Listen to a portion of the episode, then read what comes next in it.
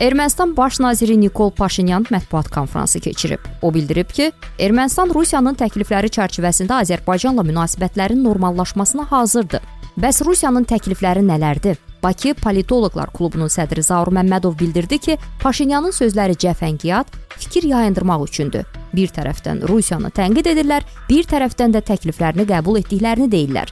Sülh razılaşması kiçik həcmli və konkret olmalıdır. Dövlətlər qarşılıqlı şəkildə ərazilərini tanımalıdırlar. Başqa təklif ola bilməz. Amma Ermənistan buna getmir. Ermənistan baxmayaraq ki, Praqa razılaşmasında Azərbaycanın ərazi bütövlüyünü tanımışdı və Qarabağ üzərində suverenliyini tanımışdı, amma konkret olaraq sülh danışıqlarındakı yekun akt olan sülh müqaviləsinin bağlanmasındakı bu ifadədən ə, boyun qaçırdı. Əvəzində isə Rusiya çərçivəsində Qarabağın dağlıq hissəsindəki hazırki status quo-nun gələcəyə saxlanılmasında Ermənistan Ermənistan burada Rusiya ilə fikirləri üst-üstə düşə bilər ola bilsin ki, və Paşinyan buna sanki eyham vurur. Məlum məsələdir ki, e, Paşinyanın bu fikri cəfəngiyatdır və reallaşması mümkün deyil. Paşinyan deyib ki, dünyada Qarabağı Azərbaycanın tərkib hissəsi kimi tanımayan ölkə yoxdur.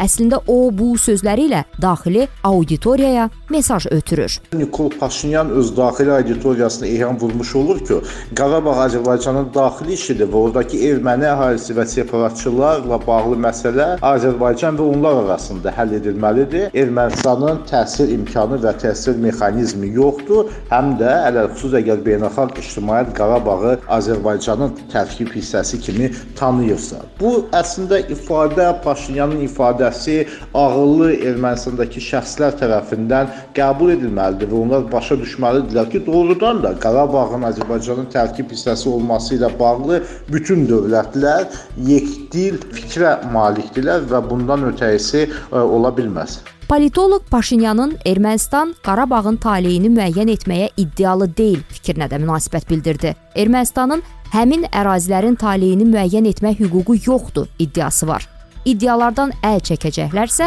sülh müqaviləsi imzalamalıdırlar. Ermənistan başa düşsün ki, əgər sülh müqaviləsini imzalamırsa, əgər Qarabağı Azərbaycanın tərkib hissəsi kimi tanımırsa, əla tanımasın, sülh müqaviləsinin imzalanmasın. Bütün bunlar yalnız və yalnız Azərbaycanın lehinə olan məsələdir. Əgər onlar bizim sərhədimizi tanımayacaqlarsa, əgər onlar bizim ərazimizi Azərbaycanın ərazisi olaraq qəbul etməyəcəklərsə, o zaman biz də rəsmi şəkildə də öz iddiamızı Qərbi Azərbaycan torpaqları ilə bağlı ifadə edəcəyik. Politoloq Şəbnəm Həsənova isə deyir ki, Paşinyan açıqlamaları ilə iki qütbü məmnun etməyə çalışır. Daxildə qütblərdən biri müxalifət, digəri isə erməni cəmiyyətinin özüdürsə ki, əsas məsələ hal-hazırda Paşinyanın öz hakimiyyətini qoruyub saxlamasıdır. Xaricdə burada həm Rusiyanı, həm də Qərbi məmnun etməyə çalışır və aydın görünən məqamdır ki, Ermənistan heç zaman olmadığı qədər Qərblə Rusiya arasında sıxışıb qalıb. Şəbnəm Həsənova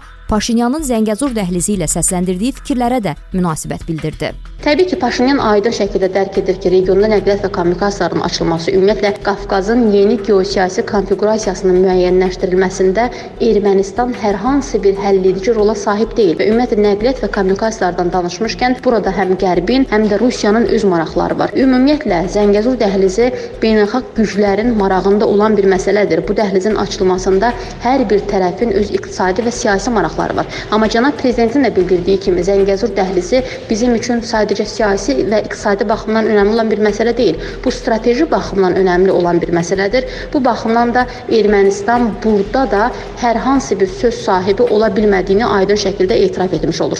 Xatırladaq ki, Nikol Paşinyan Azərbaycanla Naxçıvan arasında əlaqələrin bərpasının əhəmiyyətli olacağını da bildirib.